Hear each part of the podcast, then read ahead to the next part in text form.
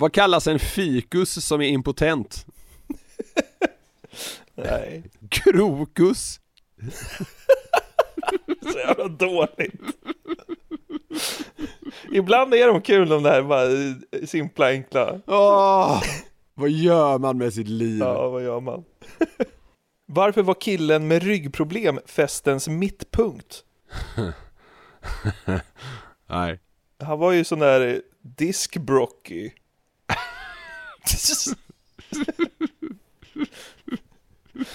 Står och grinar illa uppe i båset bara. Vad heter Sveriges tjockaste terrorist? Nej. Edvard Boom.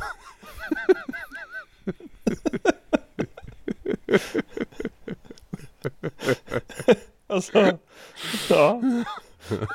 Ja, han, han blir terrorist efter alla julbord han har gått på för att liksom, kroppen pallar inte längre. Han behöver inte ens ha liksom självdetonator. Nej, nej, nej, nej, nej. Han, nej. Det han bara- det spricker det bara efter julbordet. Ja. Boom! Vad är det bästa med att ha två pappor? Nej. Man slipper fira mors dag. Ja.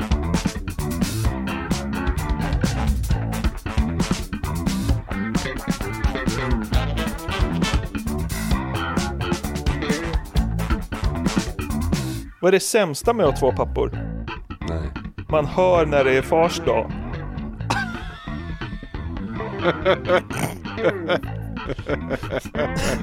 Man hör. Ni har rattat in Sveriges mest hjärndöda podcast som heter Den som skrattar förlorar podcast. Det är avsnitt 211 och Niklas är fortsatt hemma i det pissiga januari-Sverige och jag har det kanon på Kolanta. Livet är orättvist va? För trots att det är jag som har åkt till Asien så är det du som har blivit matförgiftad. Va? Det är inte klokt va? Jag, jag tänkte på det du sa att så här, ja, Niklas är hemma i Sverige. Det är ju den absoluta majoriteten av eh, de som lyssnar på den här podden. Men alla sitter inte här och har eh, liksom kramat toastolen sex gånger i natt. Nej, fy fan. Hur mår du egentligen? Nej det är sådär, jag, jag är väldigt, väldigt svag. Jag har åkt på en jävla matförgiftning av något slag. Eh, men eh, ja, börjat få i mig vätska igen i Ah, alla fall. okej. Eh, så det, det är väl ett bra första steg. Så det, det kan vara så att det värsta är över. Jag, jag, jag hoppas det. Ja. Eh, men jag är inte på topp. Men podden ska ut! Det är så bara. Det spelar ingen roll om man har spytt hela natten. Poddjäveln ska ut, så är det bara. så är det. Du, eftersom du ligger hemma sjuk medan det blåser isbjörnar utanför fönstret så ska jag försöka pigga upp det lite. Ja, men jag ska höja mig här. Ja, det är bra. Jag tänkte att vi ska gå igenom lite tjockishumor, för det älskar du ju.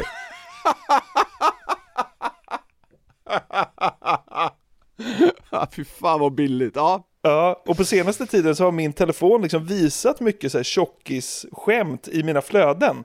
Jag vet inte Okej. om det är så senaste iOS-uppdateringen som känner av mitt BMI och vill reta mig lite eller vad det är.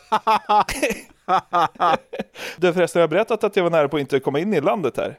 Den thailändska tullen stoppade mig så att de var tvungna att utfärda en nationell tsunamivarning ifall de skulle släppa in mig.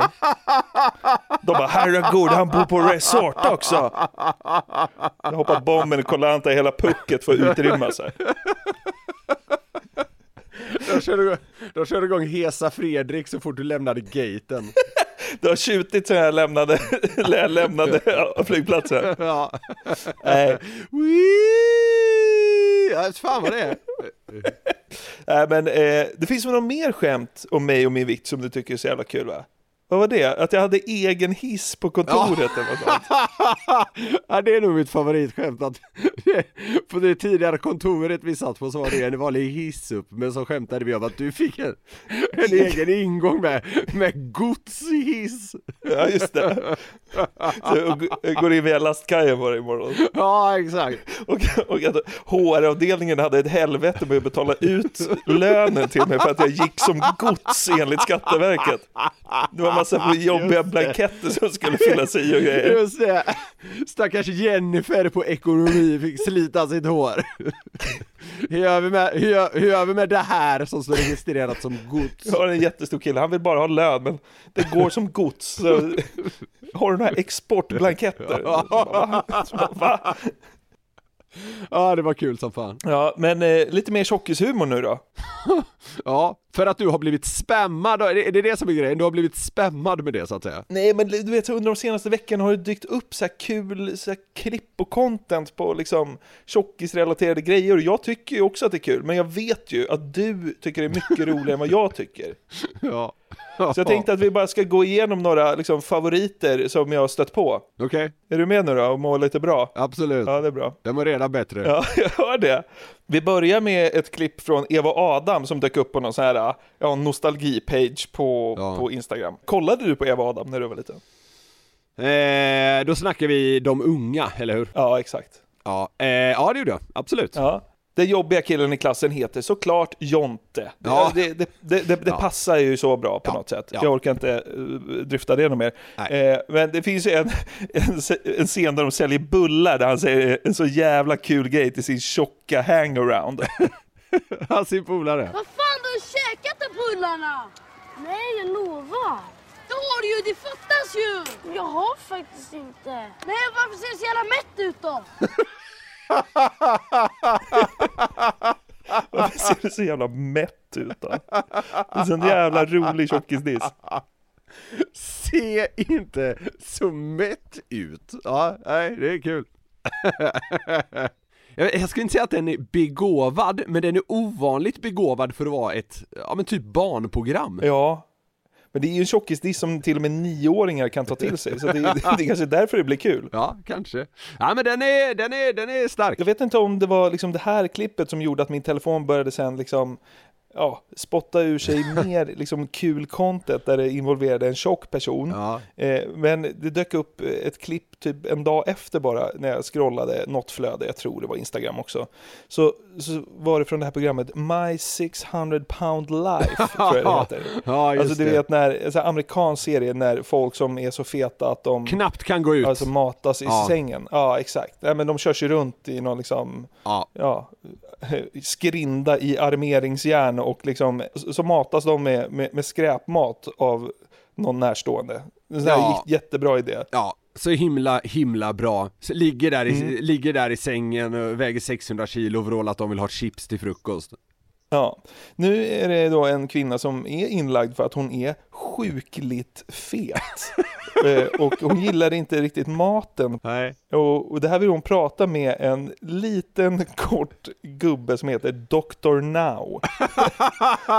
Han har en väldigt karaktäristisk röst och han ser ut som en gnom nästan. Alltså en liten gammal gubbe med brillorna långt ut på näsan Ja, typ. Och så ja. har han en ganska rolig röst. Ja. Så, så ligger den här liksom 300 kilos kolossen då och gnäller på den här maten hon får. Och då kommer Dr. Now in och säger en så jävla kul diss på sitt lilla speciella sätt. Okej. But but how about the meat? I don't eat that kind of meat.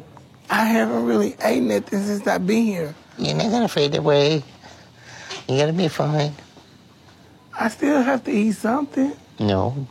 Eating the food that belonged to the next four years ahead of time. Ja, ja, men det är en bra diss alltså. Han, han, En savage alltså. han är ju tydlig med sitt budskap, det får man ändå säga. Han bara, du kommer inte liksom, för, du kommer inte bara tyna bort här. Alltså, Efter ett, efter ett dygn kommer hon inte väga 45 kilo. nej, Nej. men vi inte kommer flytta henne till anorexia-avdelningen nästa dag. Nej men det är ju lugnt. Sen bara, du kommer in där, bara, du vi ska faktiskt flytta dig Shelly eller vad fan du heter. Bara, ah, okej, ja, du ska faktiskt in på anorexiaavdelningen. Ah, det är hemskt att skämta om men det, det blir en så jävla kontrast. Så här, du har redan ätit all mat för fyra års tid framöver. Han säger det rakt i hennes face när hon gnäller på maten. Ja. Men alltså, i ett sånt läge, för hon är ju ett berg antagligen. Ja, Alltså ja. i ett sånt läge, jag antar att det är sista utvägen för en läkare att vara riktigt krass med henne. Det går inte att linda in det längre för då blir det bara McDonalds och chips den kommande veckan. Ja. Senare i klippet så säger hon så här, ja men vadå man måste äta någonting fattar du väl? Han bara, du skulle kunna inte äta något i två veckor, det skulle inte hända någonting. Du har reserver. Ja, ja. Ligger där och är lite picky. Ja, Sen ska ja, du exakt. välja mat, det har inte gått så bra hittills. Fan tvångsmata henne med broccoli i så fall för fan. Sen så dök det upp ett annat klipp på Dave Chappelle och Eddie Murphy. Ja. Från en film som jag tror heter The Crazy Professor eller något sånt. Okej. Nej, The Nutty Professor heter den. Okej. Där hamnar de i ett battle om sådana här äh, din mamma är så tjock-skämt. Ja, just det. De var ju heta ett tag. Ja, absolut. Inte hört på länge. Nej, fan alltså, jag, jag, jag känner ju igen konceptet, men jag kan inte komma på så många på rak arm. Men det fin- finns en hel uppsjö av tjockis mamma, din mamma är så tjock-skämt som jag tyckte var så jävla roliga. Ja. Vi ska börja med att lyssna på Eddie Murphy och hur Dave Chappelle säger här i The Nutty Professor. Och sen ska jag ge dig ett gäng till som är ännu bättre tycker jag. Okej. Your mother's so fat. She went to Scissors and the bitch got a group discount.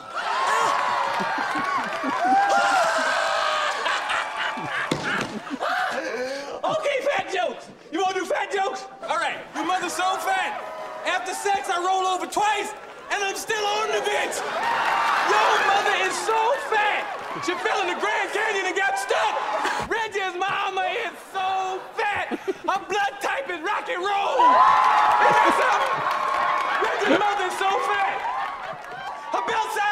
Equator. Ja.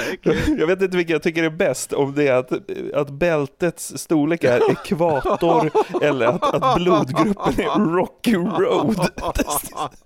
Kolasås och Ja, chokladbitar. ja, jag gillade ekvatorn alltså. Det är jävligt, jävligt kul. Och det här tyckte jag kanske var det roligaste av de klippen som dök upp. Alltså, jag vet inte varför, men alltså, jag blev så jävla hooked på din mamma är så tjock-skämt. Men det är ju kul, alltså så här, det är lite som de här Chuck Norris-skämten, alltså man tar det till såna exceptionellt bisarra nivåer. Och det finns ju något i det. Ja, men exakt. Och det är ju det som blir så jävla roligt. Och jag gjorde faktiskt så att jag googlade upp ännu fler sådana här äh, Din mamma är så tjock-skämt. Ja. Som jag tänkte att vi ska, ska lyssna till nu. Jag har översatt dem till, till svenska för att folk hatar när vi har för mycket engelska här i podden. Så är det. Är du med då? Ja, absolut.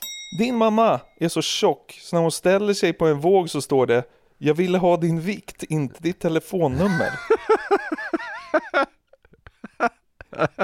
Din mamma är så fet att när hon gick förbi tvn så missade jag andra perioden. Din mamma är så fet att när hon ramlade så skrattade ingen, men marken vek sig dubbel. Din mamma är så fet, så när hon handlar på ÖB så blir priserna ännu lägre. Det är så o- orimligt. Din mamma är så fet så att om, om hon har på sig en gul klänning börjar alla ropa efter en taxi.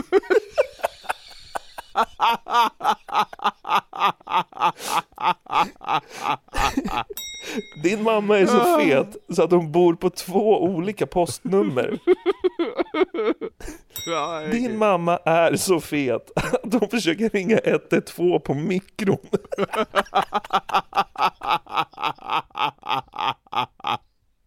Den enda, den enda apparaten som betyder någonting. Ja. Din mamma är så fet att hennes navel kommer hem en kvart före henne själv. Din mamma är så fet så att om hon sätter sig på en iPhone så blir det en iPad.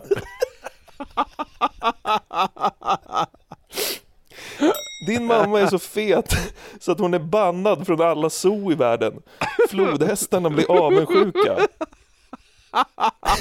Din mamma är så fet att hon döptes på SeaWorld. Det är kul.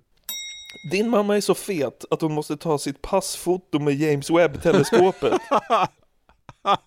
Och din mamma är så fet att för att få ut henne ur en telefonkiosk så måste man smörja in henne i smör och slänga ut en Snickers på trottoaren. Hon bara brottar sig. Så. Det är helt omöjligt annars. Smörja in i smör. Det, det räcker inte att bara smörja in i smör och säga så här: gå ut du. Utan viljan uppstår bara i tillräckligt måste ha hög grad. mental motivation ja, exakt, också. exakt. Det är jävla Åh. snickers. Ja, det var faktiskt Ja. jävligt kul. Åh, tjockisskämt. Ja, fan. Sen då, som grädde på moset när jag hade gottat med allt det här, så kom det, det, det bästa tjockisklippet som har producerats i svensk media. Det är ju spelat av Kjelle Bergqvist, men det är ju så jävla roligt så vi måste lyssna på det. Ja, just det. Mm. Hörru din jävla stoppkloss, stå inte här och häng va? Står och tänker på mat igen nu? Rulla undan för fan. Tjockisar, det är bara att hugga direkt va? Flyg iväg, Barbapapa.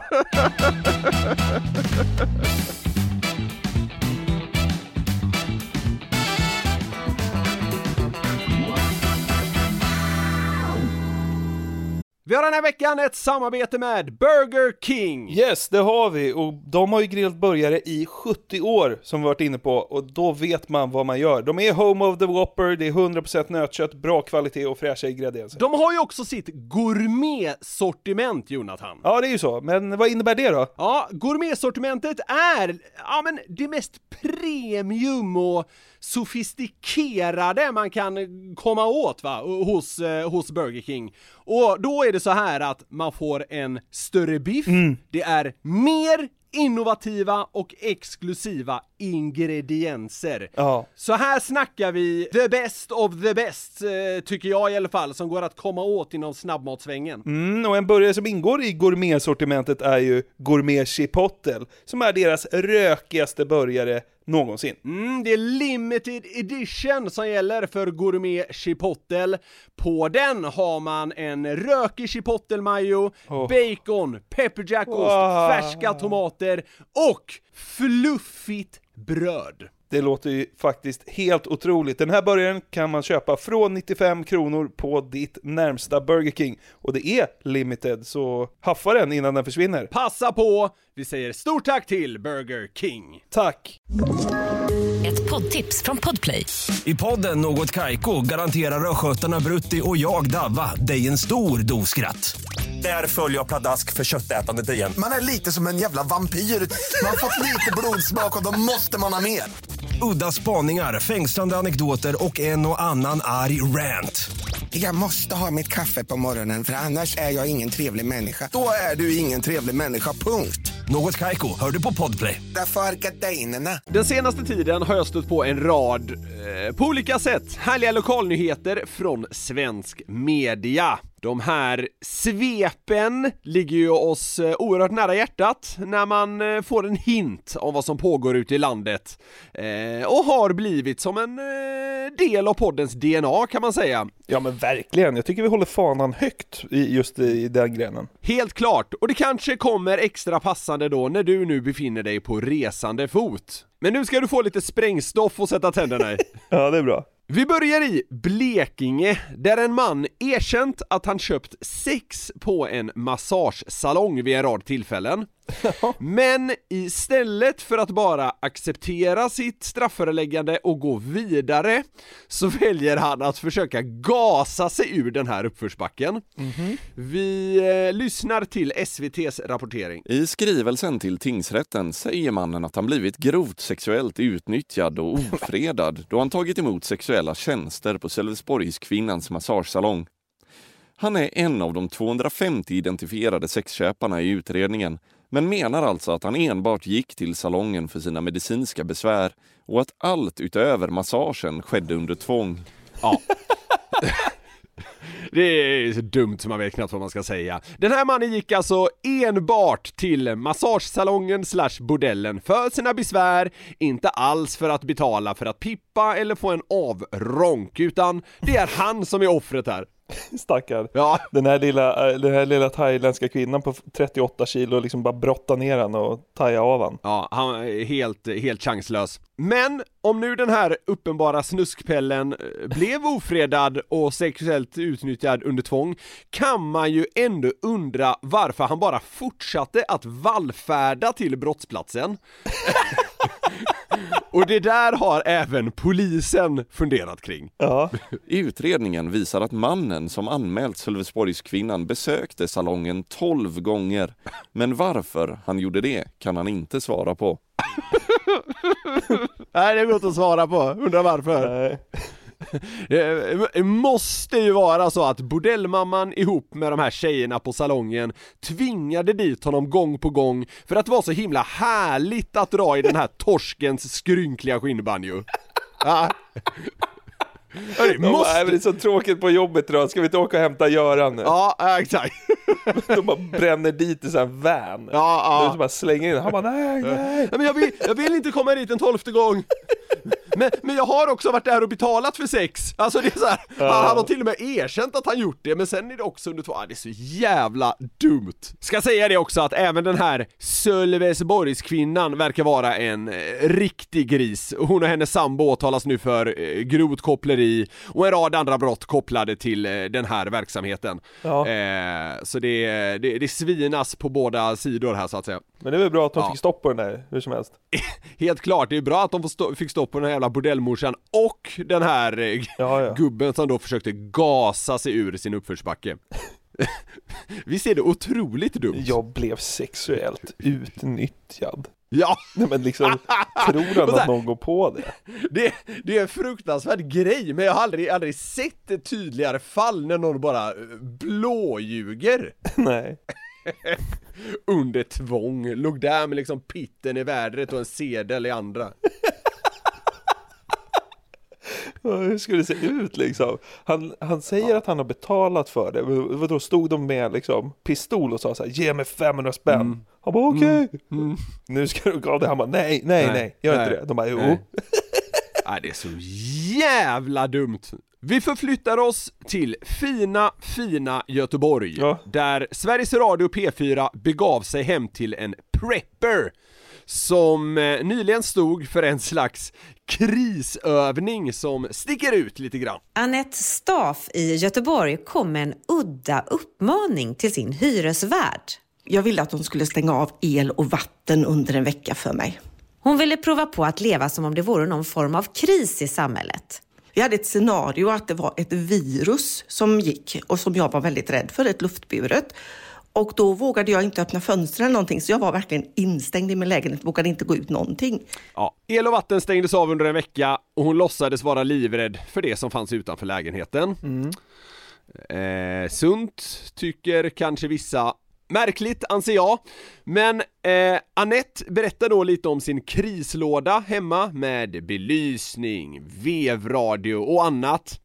Eh, och får sedan en av frågorna man ju då undrar över. Och hur gick det då att leva utan vatten och el? Ja, det var inte så svårt. Problemet var väl att det, det var det här med hygienen man fick tänka till lite extra, för jag fick ju inte spola i toaletten och sånt där. Men hur gjorde du med toaletten om du inte kunde spola? Mm, då fick man använda påsar och så fick man lägga i en stor eh, tätslutande kärl sen. Netta sket alltså i plastpåsar under en vecka när hon lajvade att det fanns ett luftburet virus ute i världen. Vet du vad, när, när, du, när vi tog upp det här först så var jag lite så här, fan respekt till henne ändå. Och liksom, du vet så här, det spelar ingen, jo men, nej, men du vet här, när du tog upp det först, för det är så här, MSB och, och militären går ut och säger så här, det är bra om man har Ja, lite ja, koll ja, och ja. hej och hå. Och liksom när de säger det, då blir Absolut. alla i Sverige så här, Va? varför säger ni att det kan bli krig? Det kan det inte alls. Alltså så här, man lyssnar inte ens på de grejerna. Och ingen tar ut pengar eller preppar, eller ingen gör någonting, utan man bara ja, kör på liksom. Då tänkte jag så här, det är väl bra att någon liksom lajvar det här. Men då, när det kommer in att man ska sitta och bajsa i en- en systemet-kasse i en vecka liksom, då är det ju inte lika tilltalande längre. Nej. Och jag vet inte, jag tapp- vet inte. Där tappade hon dig eller? Ja, det gjorde hon. Och jag vet inte om, liksom, hur mer förberedd är hon nu i slutändan? Alltså om hon Nej, bara lagt en kabel exakt, i någon alltså- så här, liksom, dollarstore, dollarstore-påse liksom.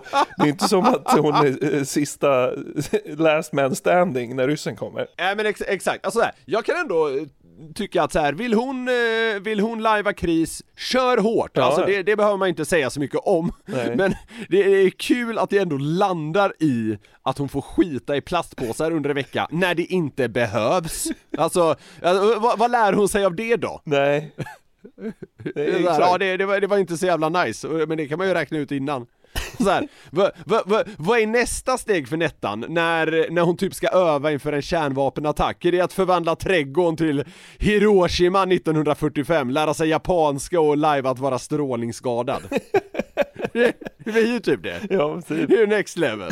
Fan. Ja, men så jävla sjukt också att de landade i så här. Nej, det var inte svårt alls. Nej. Men jag fick bajsa i plastpåsar. det är liksom, det är liksom kontentan av det. Hon nämner det som att det var en petitess. Ja, fan Nettan, jävla chef alltså. Ja. Hur känner du inför ett bråk om val av fågel på vanliga julkort? Oj. Eh, Folk med fritid. Eller med ett eh, väldigt specifikt intresse i alla fall. Eh, vi lyssnar till P4 Värmland. Julkort med rödhakar har fått ornitologen Ulf T Karlsson i Kristinehamn att reagera. Det stämmer ju inte med verkligheten och eh, som ornitolog vill man ju ha lite eh, ordning. Rödhakar är flyttfåglar och är därför enligt ornitologen väldigt sällsynta i Sverige på vintern. Enligt honom vore det mer passande med talgoxar, blåmesar eller domherrar på korten. Ulf är rasande över att rödhakar pryder julkort och vill exempelvis se domherrar på dem istället. Eh, och nu är det här en fråga som verkar ligga honom varmt om hjärtat. Eh, men så här, det är ju ändå en riktig skitkamp att ta. Men, ingen bryr sig, den är väl där för att den är röd. Alltså, Vi kommer till det. ja. Så här, det osar surgubbe med mycket fritid, lång väg. Ja. Eh, men vi lyssnar vidare.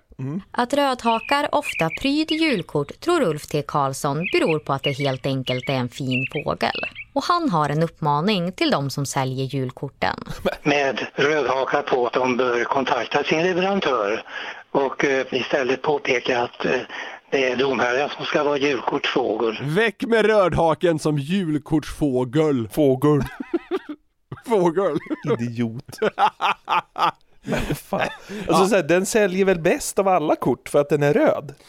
Ja, men det roliga här är att det snabbt kom en kontring från föreningen BirdLife Sverige. Rödhaken passar allt bättre som julkortsfågel enligt fågelexperten Niklas Aronsson. Det är faktiskt en art som vi har i allt högre utsträckning i landet. Så att det här är en art som blir mer och mer faktiskt aktuell som julkortsfågel. Ja, rätt tydliga besked. Och eh, enligt Niklas Aronsson har rödhaken dessutom blivit vanligare i Sverige under just vintertid. Eh, främst på grund av mildare klimat och för att vi matar dem mer. Men det finns ytterligare ett skäl till varför ornitologen Ulf är helt ute och cyklar.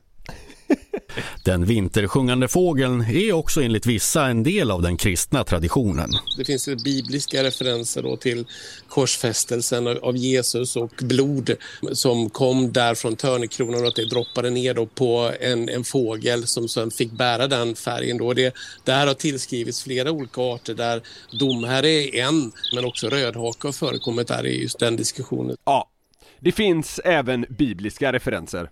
Ja, sitt ner Ulf.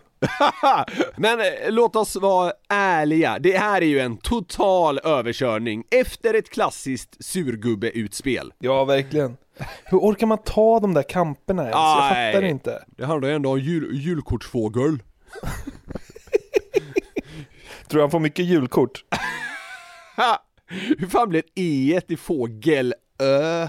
Fågel. Fågel. Ja, han Niklas här rosar ju eh, betydligt mer trovärdighet än sin eh, ornitolog polare Uffe. Det var de större händelserna jag hade. Eh, om du vill kan vi även lyssna kort på när vår favorit hos P4 Västernorrland, reportern Anton, snackar engelska med en nederländsk lastbilschaufför. Ja, det vill jag höra! Och de surrar då om det dåliga väglaget här för en eh, kort tid sedan. En som eh, tog en frivillig paus, det var den holländske lastbilschauffören eh, Danny som inte tyckte att före var kalasbra. I'm coming now from Arvidsjaur, but the weather was good. But now from uh, from Umeå to Sundsvall, I think Oh, no. it's bad, very bad. That's good to stop now because maybe you get stopped in another way and others. Yeah, you can better stop here at a parking place. Yeah. And the Swedish Swedish trucks are better than the Dutch trucks. Yeah, yeah, there are. How are your tires? They're good. I, new tires, new winter tires. That's good to stop now because maybe you get stop in another way. Jävla kung. Man vill ju bara att han ska bli korre i New York eller någonting. alltså. Ja, exakt! Anton på P4 Västernorrland. Ja, Eh, otroligt älskvärd. Vilken av de här nyheterna fick dig att må bäst? Ja men det är väl eh, alltså Sölvesborgs-idioten. som menar att han gått tillbaka till samma massagesalong 11 gånger efter att ha blivit eh, sexuellt eh, ofredad. Ja, den är, den är otrolig. Innan vi avrundar det här segmentet vill jag bara uttrycka min gränslösa kärlek till de reportrar och även dårar som lägger grunden för att man kan eh, liksom, för att man aldrig slutar matas med, med sådana här kanongrejer. Nej, det är underbart. Ni slash dem behövs in till Agenda, Expressen och alla andra. Ja exakt, Nej, men det är ju på de liksom, små redaktionerna det riktiga jävla sprängstoffet finns generellt. Så är det.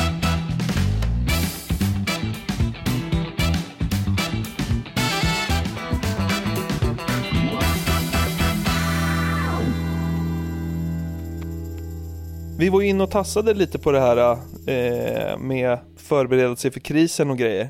Ja. Med, med tanten som bajsade i plastpåsar i en vecka för att känna att hon skulle liksom klara sig. Ja. Det har ju varit ett jävla snack om att man ska ha kontanter och sånt på senaste Ja, i. Sverige.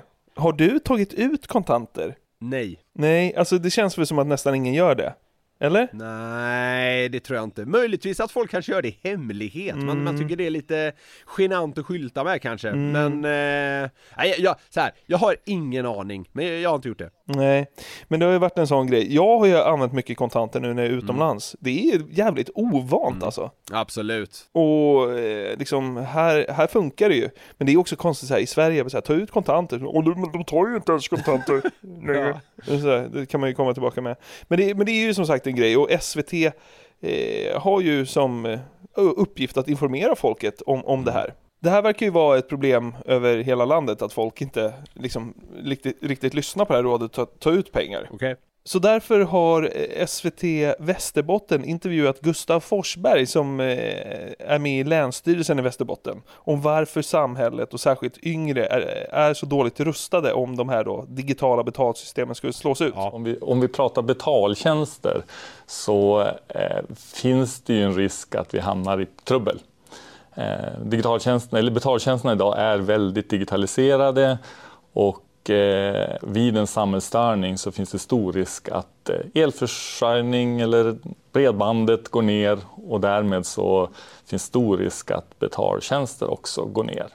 Min, min killgissning skulle vara att unga har en sämre beredskap för kris. Och det är ju just det om vi pekar på här, liksom, alla har ju sina liksom, tillgångar digitalt och utan el och eh, internet connection så då blir det svårt att betala för de allra, allra flesta. Och det här är ju liksom, liksom ett seriöst, liksom, en seriös nyhet. Men så görs det också en sån här lista, som ett extra knäck på sidan och det var där jag hajade till. För då gör de, vill de göra liksom en så här, en listnyhet där det är så här, ja de här fyra grejerna ska du tänka på med kontanter inför en kris. Ja. Vi, vi lyssnar på, på, på listan som börjar så här. Första frågan är då, hur mycket kontanter bör man ha hemma? Ja. För att vara förberedd på krisen så kan man följa eh, Myndigheten för samhällsskydd och beredskaps rekommendation om att ha 2000 kronor hemma i kontanter. Beroende på hur stor familjen är ska sägas. Ju större familj desto mer pengar behöver man ha hemma. Man ska ha pengar som räcker ungefär en vecka. 2000 spänn. 2000 låter eh, ganska lite tycker jag. Ja, men liksom, det är också det här, en vecka. Alltså, vad hände efter den då? Varför tar man inte ut 20 000 då, så man klarar sig i 10 veckor? Ja, exakt, så man är kittad, exakt. Det är, det är väl knappast så att betalsystemen slås ut i en vecka, eller vad fan, vad vet jag? Men det, det, det, Nej, känns, man har ingen aning, det, men- det känns ju som att ska man ta höjd så kanske man bör räkna med att det blir mer än en vecka. Ja, men den första veckan är väl inte den kritiska? Det är väl den andra veckan som blir jobbig? Alltså... Ja. Eller jag vet inte. Sen kanske inte, eh, alla, det alla, dumt, det är så här, alltså, att- alla kanske inte har möjligheten att bunkra mer, så mycket mer än 2000 heller och bara liksom låta det ligga om att ifall att, men Nej, såklart. det, det, är, for- det är fortfarande väldigt lite. Ja men vadå, ska MSB ge rekommendationer som passar alla? Eller, alltså... Ja, det ska de väl i sig säga, ta göra. ut så mycket du kan för helvete, skapa Ja, panik. exakt! Ta ut så mycket du kan, minimum 10 000 Ja, exakt. ja. Nej, Nej men- men, eh, två, det, det kändes klent tycker jag, men vad fan vet jag? Det är inte ens en utekväll ju. Du vet såhär, ryssen står med Ja. Hesa Fredrik bara tjuter, Ja, springer man ner till Sturehof Ja. bara såhär ni, ta- ni tar cash nu i kristider va? Går dit med sina, sina 400-500 lappar och ska bränna dem första kvällen. Nej, jag- jag tar skaldjursplatån. Sergej står liksom 14 meter bort med en AK47 Folk liksom så här slåss om mjölken inne i affären du vet, Ja. De sitter själv och sneglar på en plateau Ja. Det är så man ska göra med sina 2000 Ja, det, det är också så här, det, det är inte så att man är dyngtät, men så här, man tjänar något mer än snittet. Si- Sitter på Sturehof och käkar skaldjursplatå när Sverige går under. Det bara ringer i öronen man sitter och slevar den där jävla platån Kan vi få några fler citronskivor? En flaska kristall också Det springer budget, du vet, här, något grundjävligt De hade inte bara 2000 med dig? Ja. ja. Men det var inte det här jag hajade till mest på, utan det Nej. är fråga två i den här Mm. listan. Som är så jävla dum. Då ställ, ställer alltså reporten frågan, hur ska pengarna förvaras? Ja. Och eh, jag vet inte om frågan är dum, eller om klipparen är dum som ens har med det här, eller om det är Gustav Forsberg som bara framstår som dum eftersom han tvingas svara på den här dumma frågan. Ja, där finns det nog ingen tydlig rekommendation, men man kan väl tänka torrt, skyddat och säkert. Jaha. Var ju tur att jag kollade. Ja men jag hade ju jag hade ju tänkt att ha mina, mina pengar i ett akvarium i Kabul. Eller jag tänkte förvara dem nere i en tryckkokare i Gaza. Lägga dem i badkaret och bära ut det på innergården, du får bara stå där.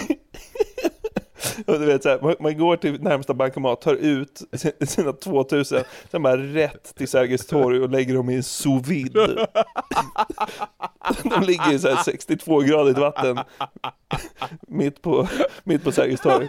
Men det är nog bäst att förvara pengarna där. Fuktigt, publikt och osäkert. Alltså SVT ställer frågan, hur förvaras pengarna bäst? Och den här gubben svarar, man ska tänka torrt, skyddat och säkert. Ja. Det, det är som att liksom, de pratar med någon som aldrig haft en sedel. Men det kanske är så också. Ja, det, så här, det ska väl alla ska väl förstå, det är, så här, det är lite så här nyheter på lätt svenska vibb över det här, men det är ändå att ta det till en absurd nivå. Sen, sen tror jag inte man ska blamea, vad heter han, Gustav? För nej, det här, han, utan han, nej, men han svarar ju han bara han svarar ska. bara. Ja, han Ja, måste vara exakt. helt chockad. Så, här, så hade ni med den frågan? Ja, exakt. Ja. Ja, det är jävligt dumt. Ja, men det var ju tur att man såg det där eh, inslaget. Jag var ju på väg ner till Eriksdalsbadet med en 620-lappar. Så jag skulle släpa med mig in i ångbastun, för det har jag hört är bra. Ja. Jag tänkte nog basta med mina 2000 spänn. Då hade man ändå hajat till. Du vet, så här, hur ska Ja. man förvara pengar? Ja, det bästa är om man bygger en bastu. Och förvarar dem där inne. Gärna en ångbastu. Ja. Som alla har tillgång till. Ja. Man ska bygga en ångbastu för 800 000, så ska man lägga in sina 2000 här. Ja. Ett poddtips från Podplay. I podden Något Kaiko garanterar östgötarna Brutti och jag, Davva, dig en stor dos skratt. Där följer jag pladask för köttätandet igen. Man är lite som en jävla vampyr. Man har fått lite blodsmak och då måste man ha mer. Udda spaningar, fängslande anekdoter och en och annan arg rant. Jag måste ha mitt kaffe på morgonen för annars är jag ingen trevlig människa. Då är du ingen trevlig människa, punkt. Något Kaiko, hör du på Podplay. Därför är gardinerna. Risk att man hinner börja gäspa under eh, den korta inledningen av det här segmentet, men den behövs och eh, det kommer att ta sig, så håll ut. Skattebetalarna är en partipolitiskt obunden förening som bland annat arbetar för minskat slöseri med skattepengar. Blir du taggad? Ja, men jag har aldrig känt en så här lyckorus i min kropp. Jag fattar det. Skattebetalarna avslöjar även eh, slöseri med skattepengar genom något som man kallar slöseriombudsmannen. Ah. Och de anordnar dessutom en årlig eh, ja men tävling som de kallar för Årets värsta slöseri. Eh, och inom kort kommer en vinnare ha röstats fram för 2023. Jag tog en koll på de 10 nominerade bidragen och även om Ja, det går att bli förbannad och less kring sånt här, så kunde jag inte låta bli att, eh, ja men återkommande finna viss humor i skiten. Eh, det, det är liksom eh, parodiskt. Ja men vi har pratat om det här förut någon gång. Ja, exakt. Vi har, vi har snackat om sånt här tidigare, typ att kärringar får kulturpengar för att leka troll i skogen, eh, den bedrövliga skolplattformen i Stockholm, Ehm, ja, det, det finns väldigt många bisarra exempel, eh, in, inte sällan kopplat till konst och så. Eh, men nu är det mer ett eh, mästerskap i uselhet kan man säga. Så jag tänkte vi ska utse vår egen vinnare bland de här bidragen som jag har valt att lyfta fram. Ja men fan, det låter otroligt. Jag tror att vi är en bra jury. Ja, det känns så. Och absolut, somliga formuleringar här kanske kan anses eh, något hårdragna, men det förändrar inte eh, allt för mycket av den större bilden. Nej. Jag har satt som en liten titel för varje fall, och vi börjar med något som är lite, lite relaterat till oss. Myndighetspodd för miljoner. Oj. Medierna i P1 har granskat drygt 15 myndigheter som producerar poddar och kostnaderna eh, för dessa varierar ganska rejält. Eh, I det övre skiktet ligger bland annat Nämnden för hemslöjdsfrågor som lagt 25 000 per avsnitt. Hur mycket? 25 000 per avsnitt. Ja, det, det känns ju inte som att podd är det första de behöver. Eller? Nej, jag vet inte. Finns det någon under 74 som liksom verkligen brinner för hemslöjd? Nej. Och finns det någon över 74 som nås av en ny podd? Ja, väldigt svårt att tro det. Klart värst är dock kriminalvården. Deras tredje poddsäsong med fem avsnitt har kostat 645 000 kronor att producera. Vilket innebär en kostnad på 129 000 kronor per episod. Åh herregud. Mm.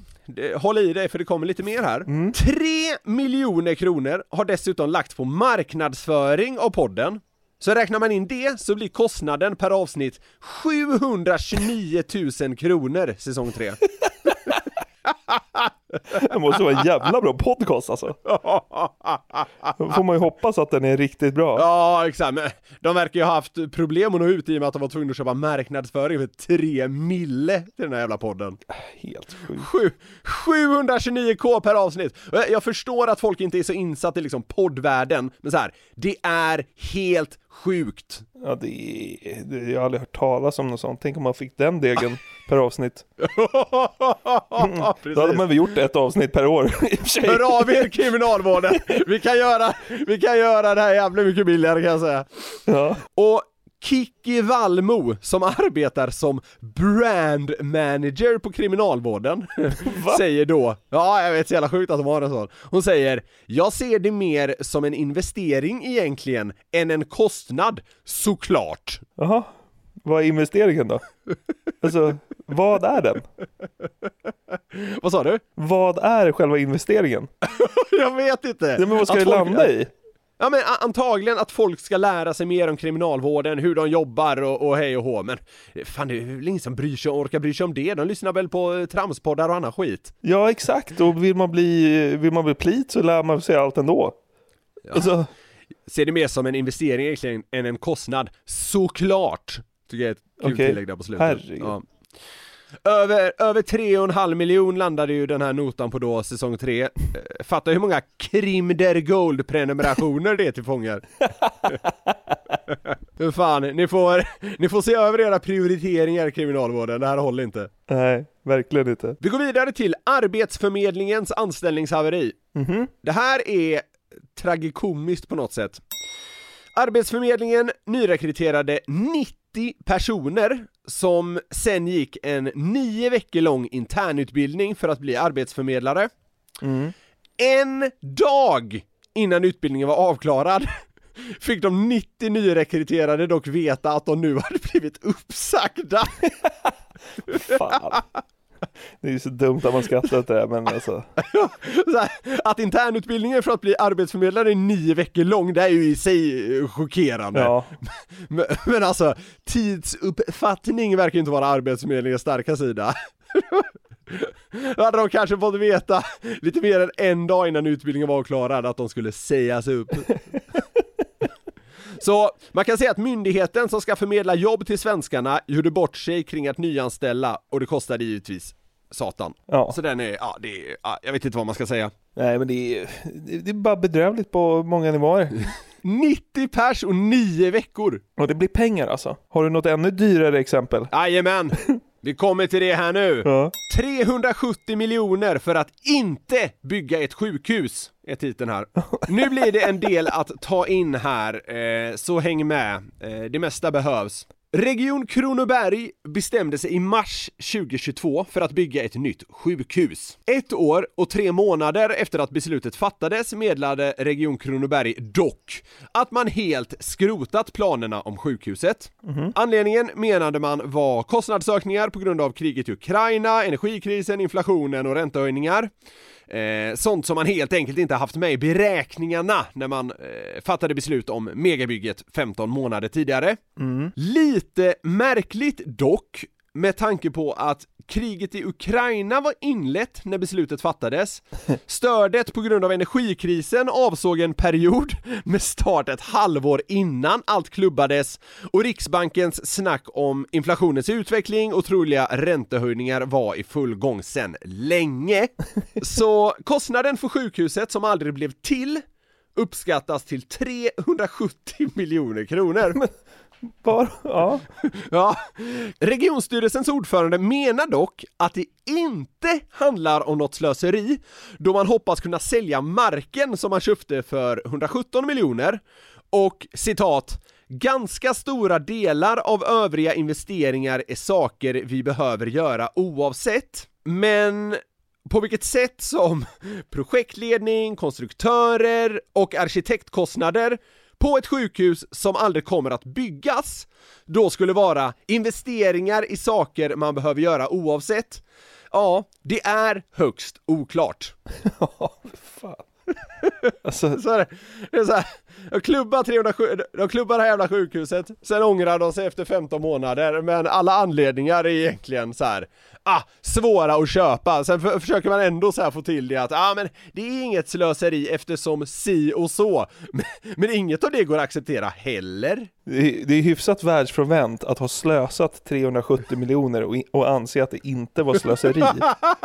en, sån, en, en sån människa ska ju inte hålla i, i, i, i, i deg känns det som. Det är saker vi behöver göra oavsett, så bara, aha, projektledning, konstruktörer och arkitektkostnader för det här sjukhuset som aldrig blev av. Det behövde, det behövde, det behövde man göra oavsett.